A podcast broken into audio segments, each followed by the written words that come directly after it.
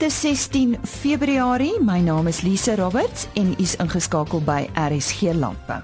Skaapvleis Suid-Afrika vertel ons ver oggend van hulle betrokkeheid by vanjaar se Woordfees. Op sy agribesigheids Wesse Lemmer, hulle senior ekonom, praat met Henny Maas oor landbou in die algemeen. Waar staan landbou en hoe dit gaan met landbou? En dan is die Undercover Farming Expo weer vroeg in Maart vanjaar en vanjaar trek hierdie expo 'n ander baadjie aan in Pretoria. Bly ingeskakel want tussendeur ook ander belangrike landbounuus. Ons begin juis met 'n brokkie nuus. Sorgumnuus, die herlewing van die sorgumbedryf kan sosio-ekonomiese voordele vir landelike gemeenskappe inhou. Volgens Wandile Sihlobo van Agbus is daar wêreldwyd 'n stabiele vraag na sorghum. In Suid-Afrika is die neiging egter afwaarts en sal volumes en markte soos biobrandstof moet uitbrei om die neiging te stuit. Ons gesels ver oggend met Marina Bester, projekbestuurder by Skaapvleis SA oor die skaap en wynproe wat vir die tweede jaar plaasvind by die Woordfees in Stellenbosch en dit word aangebied in Maart maand. Marina, ek is seker ons luisteraars sal graag wil weet hoe skaapvleis by die woordfees inpas. Vertel ons bietjie meer oor hoe die idee vir hierdie geleentheid begin het. Goeiemôre Lize en luisteraars by die huis. Ja, ons het hierdie ons is baie opgewonde oor hierdie geleentheid. En um, dit is vir Skaapvleis is 'n groot eer om deel te wees daarvan hierdie jaar. Nou die skaap en wynproe geleentheid word georganiseer deur As en hulle het laas jaar hierdie geleentheid vir die eerste keer aangebied nadat die woordfees op hulle knoppie gaan druk het om 'n bietjie van 'n landbougeur na die woordfees toe te bring. Waaroor presies gaan hierdie prosessies Marina? Een van die goed wat skaapvleis heeltemal uniek maak, is die feit dat die smaak, die so die geur van die vleis direk verwant is aan die terroir waarvandaan die skaap kom. Nou terroir is 'n baie fancy woord om die karakter van die area en ook die produkte wat uit daardie area kom, as gevolg van sekere goed soos klimaat en produksiemetodes te verduidelik. Nou 'n groot bepalende faktor wat aan die karakter van skaapvleis in sekere streke bou, is natuurlik die tipe voer wat aan die wat die skaap kry. En soos julle weet, loop die meerderheid van van Suid-Afrikaanse skape vrylik in die veld. En daarom sal die voer natuurlik mos nou afhang van die plante groei in daardie streek. En die plante groei van my weer afhang van die klimaat onder andere. So hierdie is my terroir baie eenvoudig verduidelik in 'n neutedop, maar dit is waarop dit neerkom. So die woordfees skop af Vrydag die 3de Maart. En dit is in die hartjie van die kultuurryke Stellenbosch. En hier vind die skaap en wynproe natuurlik nou plaas. By elke skaap en wynproe sessie gaan die chef Bertus Passon van van Spice Trip in die route in Kaap vier merino boude elk um, van uit 'n ander terroir in Suid-Afrika gaar maak. En dan voorsit elk met 'n heerlike Veritas wyn wat hierdie spesifieke skaapbout se geur komplementeer. Nou die vleis kom van merino lammes af, alhoewel dit nie gaan oor die ras hierson nie, het hulle soveel ander faktore probeer uitsluit wat die smaak kan beïnvloed. So, hulle is almal merino lammes wat op dieselfde ouderdom en onder dieselfde omstandighede geslag is. En die vleis word sonder enige geurmiddels presies op dieselfde manier gaar gemaak. So dan is daar geen ander aspekte behalwe die terroir wat hierdie smaak en geur van die vleis bepaal nie. Nou hierdie prosesies vind plaas by die Kaya lokaal in Amstellenbos natuurlik naby die universiteit en die kaartjies kan op CompuTicket gekoop word. Gaan um sleutel net in skaap en wynproe woordfees en julle sal dit sien daarso. Of gaan fik sommer net onder die kaja dan kry mens al die geleenthede. En ons 'n lekker paar um kos en proe en wyn geleenthede wat daar aangaan en um ja ons ons prosesies saam met um Veritas Wyne Merino SA Agri Expo en um Bertus Passon van Spice natuurlik sal plaasvind op Vrydag die 3de Maart die 8de Maart, Vrydag die 10de Maart en Sondag die 12de Maart en dit sal altyd 12 uur die middag wees. So dis net as mens so lekker honger begin raak, dan kan jy 'n skaap buite 'n bietjie wyn gaan proe, dis ook nie te vroeg vir wyn nie. En dan die streke wat um, waar uit die vleis kom, natuurlik elke keer vier verskillende terroirs het ek gesê. Ehm um, so Vrydag die 3de Maart sal dit die handtamfees wees. Die vleis sal uit Kalvinia uitkom. Dan Suid-Kaap en die vleis sal uit Riverstal kom. Suid-Vrystaat, daai skaaphuide gaan direk uit Smithfield uitkom en dan die Swartland wat Moreesburg is natuurlik. Dan die 8de Maart, dit is Groot Karoo, Victoria West dan uh, kom daar ook um, skaapvleis uit Caledon wat in die Oeverbergstreek is, Sandveld, Graafwater in die Oos-Kaap, Malpina. Dan Vrydag die 10de Maart, dis dit weer Groot Karoo, Victoria West, dieselfde Oeverbergstreek, Caledon, Sandveld, Graafwater en Oos-Kaap, Malpina. Sondagmiddag die 12de Maart en dan is dit weer Oeverberg en dis Caledon die Swartland, Moreesberg, Sandveld, Graafwater, die Oos-Kaap, Kamdeboom.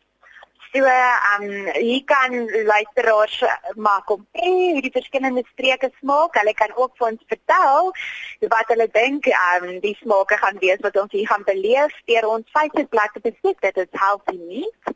Jy kan intik um die @tekentjie Healthy Meat op Facebook en dan kan jy gerus daar vir ons kom vertel hoe dink julle die vleis wat julle eie streek uit gaan proe en um net bietjie meer terugvergee oor wat julle dink van hierdie geleentheid. So dit is al vir my al vandag Lize. Baie dankie. Die projekbestuurder by Skaapvleis SA, Marina Bester. Nou eers landbou nuus. Heel party wildboere onderskat die omvang en oordrag van hartwater veral by springbokke.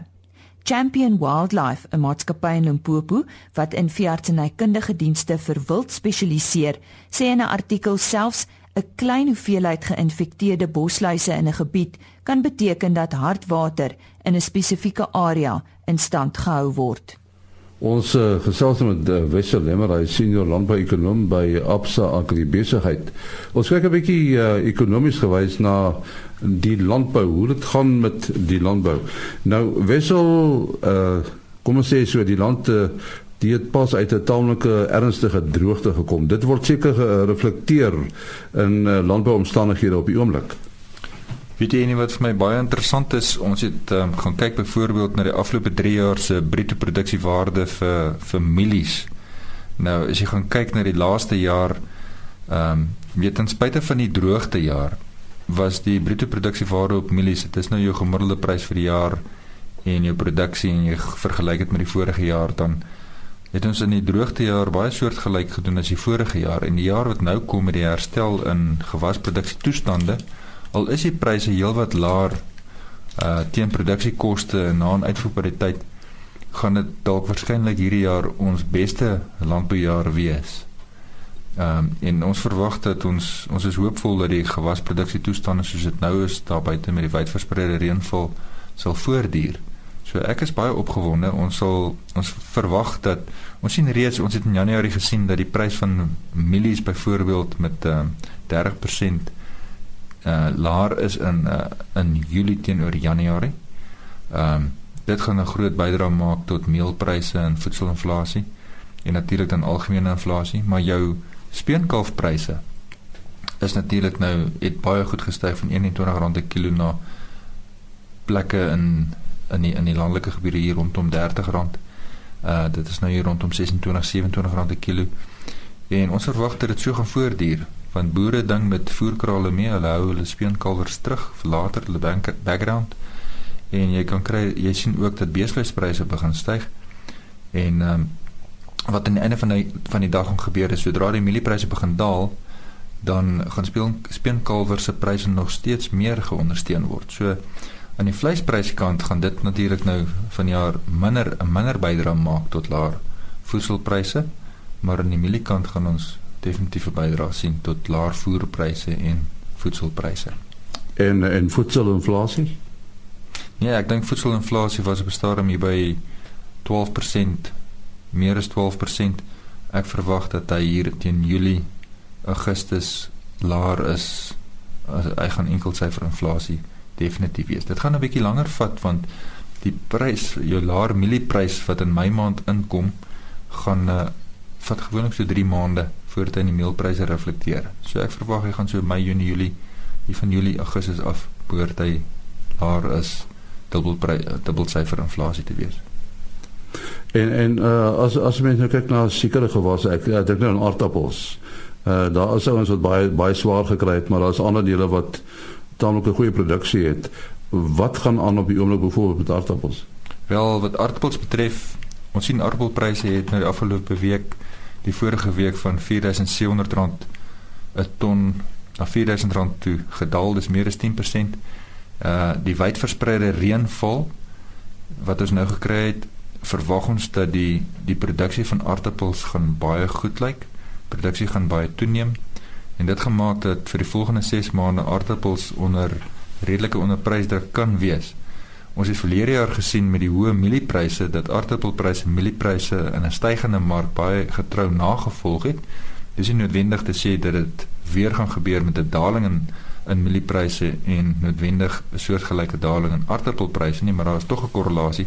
Verlede jaar was die korrelasie so 88% tussen die aardappelprys en die witmieliepryse en dit was oor 'n 12 maande tydperk, maar dit was met 'n stygende uh met stygende pryse in die mieliemark. So dit sou interessant wees om te sien, maar ons verwag dat aardappelpryse 'n bietjie druk gaan ervaar weens die goeie produksietoestande. Die Vrystaat het baie goeie reën gehad. Uh produksie kan baie goed wees in die Vrystaat wat aardappels betref. Uh wissel somme met pryse wat uh, styg en wat daal. Watter rol speel die sogenaamde hefboom effek in uh in die proses? Waar uh, pryse geneig is om taai te wees in die boekant en nie eintlik afkom nie. Ja, jy sien dit mos nou byvoorbeeld in die in die uh, meelpryse. Uh ons sien dit in die koringpryse ook. Broodpryse kom nie noodwendig af as die koringprys daal nie. Uh mieliepryse, mieliemeelpryse kom nie noodwendig af as die kommoditeit se pryse daal nie. So dit het 'n direkte impak. Ehm um, daar's gewoonlik so 3 maande lag effek. Ehm um, maar wat die groentes betref, daardie pryse reflekteer onmiddellik op die varsprodukte mark wat deurgaan na die na die kleinhandel toe. So daar's 'n groter uh pryse volg dit wat op die varsprodukte mark gebeur baie getrou na. Ons het byvoorbeeld gesien in Januarie was die ehm um, die prys van groen russies, green peppers, het geweldig gedaal met 'n groot aanbod van groen russies nou op die op die varsprodukte mark. Ehm um, en is hoofsaaklik daarvan as gevolg van die die gemengde kleurrussies wat jy gekry het in die groot aanbod op die varsprodukte mark in Johannesburg. So jy het um, jy daai effek gekry maar in groente kan pryse baie vinniger geherstel as in jou kommoditeite wat 'n langer ketting het waar dit nog moet verwerk word en so meer. Ja, jy praat van die ketting, uh die die waardeketting. Watter rol speel hy uh wanneer dit nou kom jy noem dit die lag, uh, wanneer pryse afgaan en wanneer dit styg? Die waardeketting, kom ons praat van sy lengte. As die waardeketting baie lank is en dan is sy in 'n sekere sin geneig om tight te wees, is dit nie?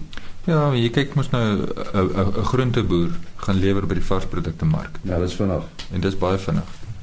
En 'n uh, 'n uh, mielieprodusent of koringprodusent lewer in die silo, van die silo af gaan dit na jou meelenaar toe waar dit gemaal word van daar af na die bakker toe. En dan kry jy nou eers in die geval van brood en koring kry jy mos nou maar eers brood op die winkelrak. So daai ketting is baie lank en dis langer as 3 maande voordat die produk wat jy uiteindelik verkoop as 'n produsent wat in silo was 3 maande later as meel verkoop word aan die bakker. So daai hele daai hele proses is 4 maande kan 4 maande plus wees. So daar is definitief en daar's natuurlik addisionele kostes wat bykom. Ehm um, baie meer as in die byvoorbeeld in die varsprodukte mark seker onnodig om te vra of die vertrouensindeks onder boere uh jy weet goed is want dit is waarskynlik goed uh, veral na sulke goeie reëns. Ja, nee, dit het aansienlik dit het aansienlik toegeneem. Daar's natuurlik ander faktore wat ook 'n rol speel en dit is die onsekerheid wat ons het met die begrotingstoespraak wat kom. Ons kyk byvoorbeeld na die suikerbedryf. Uh met die 20% belasting wat verwag word wat gehef sal word op ehm um, op uh, op op uh, drank wat suiker bevat, soos koeldrank. En ehm um, dit kan 'n redelike impak hê. Uh ek weet dat die produsente organisasies Skyngrowers het uh, het ondersoeke gedoen en as jy gaan kyk die suikerbedryf het oor die afgelope 4 jaar uit 'n droë droë tydperk gekom. Hulle het 20 miljoen ton suikerriet geproduseer. Dit het afgekom na 16 miljoen ton toe ongeveer. Nou as jy gaan kyk na die impak wat die verbruik of kom ons verduidelik eers so, 16 miljoen ton suikerriet is ongeveer 1.6 miljoen ton suiker. Nou vra jy maar wat is die impak van die verbruik van 'n 20% belasting op uh, op daardie suiker dan uh, reken hulle dit is so 160 000 ton suiker waarna daar wat die vraag gaan verklein, wat die vraag minder gaan wees. Nou as daai vraag minder is, die binnelandse vraag 160 000 ton suiker minder, dan beteken dit jy gaan dit moet uitgevoer word.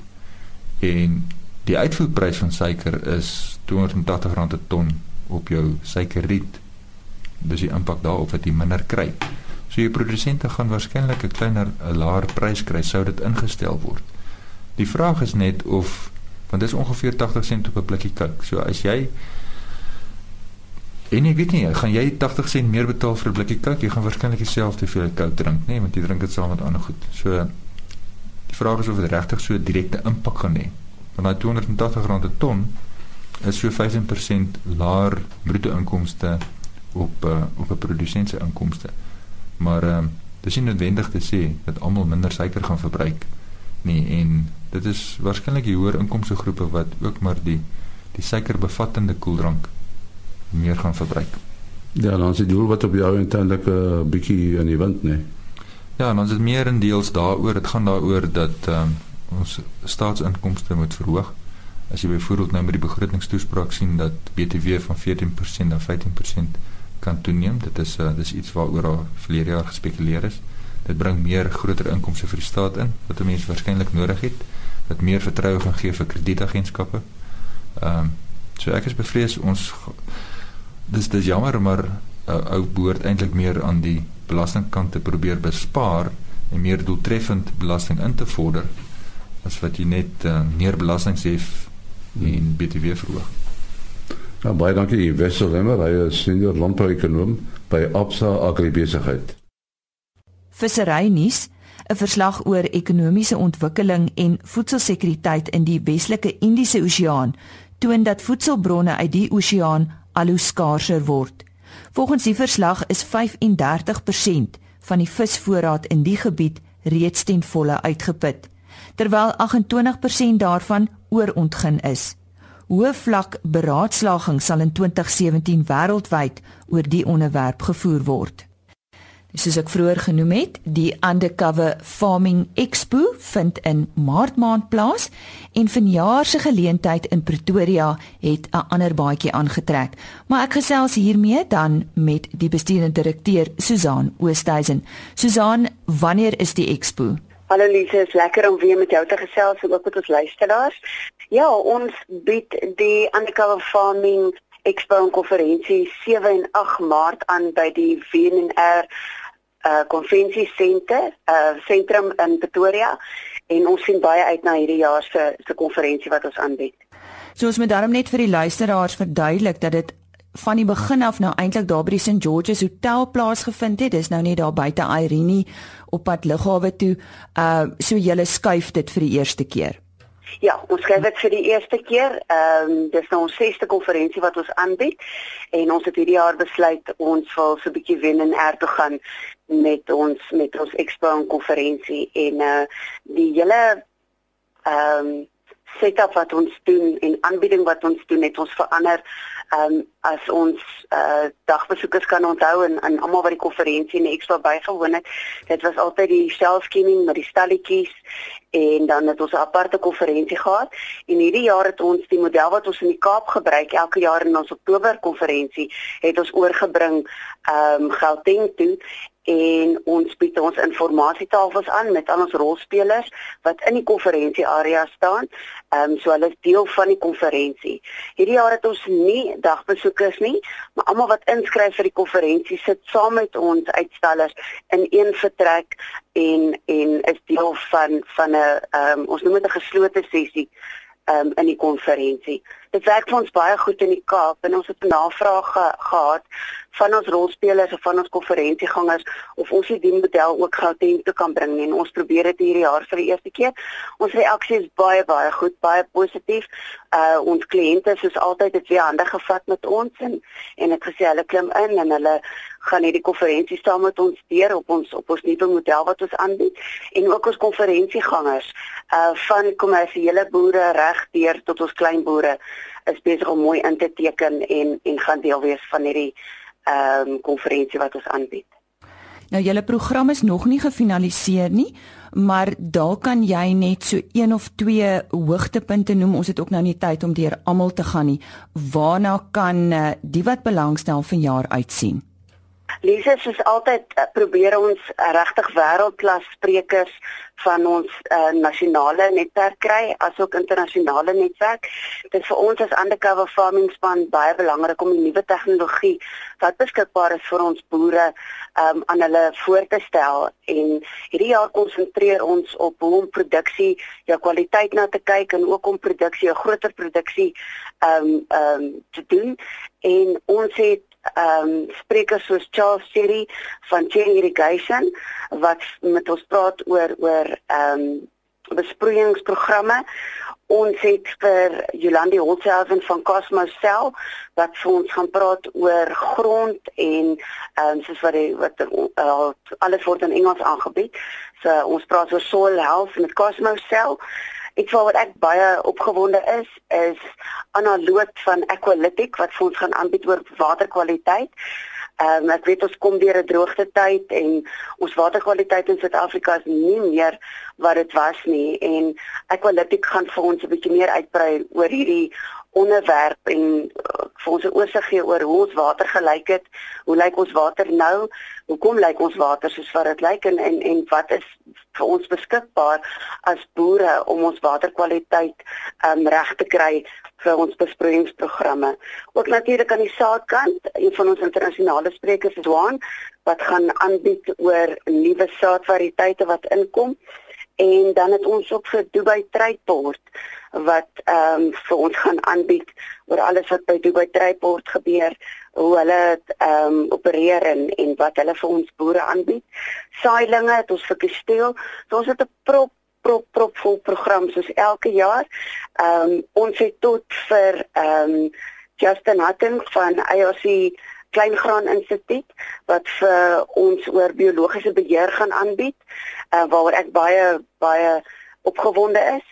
So ja, ehm um, ons ons program is op ons webtuiste en ons luisteraars kan enige tyd op ons webtuiste ehm um, ingaan en en die program aftrek en kyk waar ons alles aanbied hierdie jaar.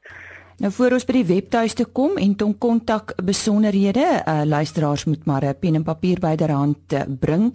Miskien vir die wat nou nog nooit so iets bygewoon het nie. Wie kan dit bywoon en wie moet dit bywoon? Undercover farming is die mondstuk van alles wat onder beskerming geplant word in Suid-Afrika. Regdeur van blomme na groente na vrugte, uh berries en dan ehm um, ons wil by die konferensie bied ons aan oor regte van konstruksie tot op die uh, vasprodukte mark markagente alles wat onder ek wil amper vir jou as ek dit nou sommer net in in gewone Afrikaans kan sê alles wat onder 'n tonnel nette en 'n konstruksie gebeur en wat jy produseer ons bied dit aan op ons konferensie ons tydskrif Undercover Farming tydskrif probeer elke tweede maand dis daar ses uitgawes per jaar kyk ons na die hele industrie in totaal in Suid-Afrika.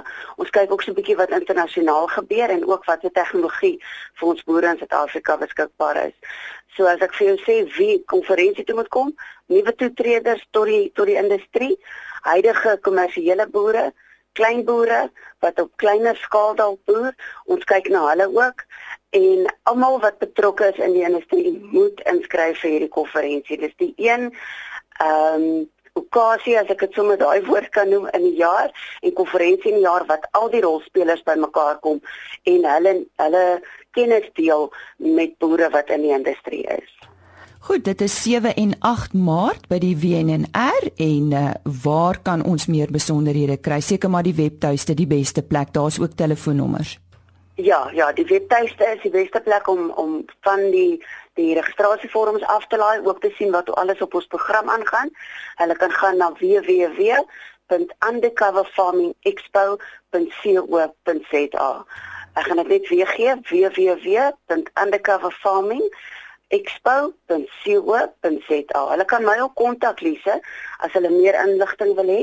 My selnommer is 082 832 1604 082 832 1604 hulle is meer as welkom om my te kontak. Aan die woord daar, Susan Oosthuizen. Nog landbou nuus? Die bekroonde landbouekonoom en koöperatiewe leier Johan van Sail is benoem tot BKB se raad van direkteure. Hy is onder meer die voorsitter van Sanlam Beperk en die uitvoerende hoof van African Rainbow Capital. Van Sail is al onder meer as die Sunday Times se sakeleier van die jaar in 2014 aangewys.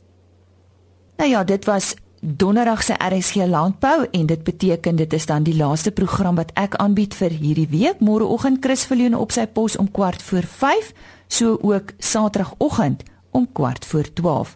Maar Maandagoggend baie interessant, ons gesels met 'n dosent in belasting aan Universiteit van die Vrystaat oor boerderybelasting en onder andere waarom moet boerderye vir voorlopige belasting registreer? Dit is een van die vrae. So onthou om in te skakel weer maandagooggend. Ons kry ook heelwat navrae oor uh, luisteraars wat graag 'n uh, inligting soek oor 'n persoon of uh, dalk 'n onderhoud misgeloop het of weer na die onderhoud wil luister. Onthou www.rsg.co.za as u soek onder potgooi vir RSG landbou word eh, die hele program volledig elke dag daar gelaai. En dan www.agriorbit.com daar word die onderhoude apart gelaai. Dit is www.agriorbit.com klik bo in die bladsy op broadcast en dan RSG landbou en die verskillende onderhoude word daar gelys. Mag u naweek eh, rustig wees, mag dit reën waar dit nodig is en uh, pas jouself goed op. Totsiens. RSG Landbou is 'n produksie van Blast Publishing. Produksieregisseur Henny Maas. Aanbieding Lisa Roberts. En uitskoördineerder Martie Kerstyn.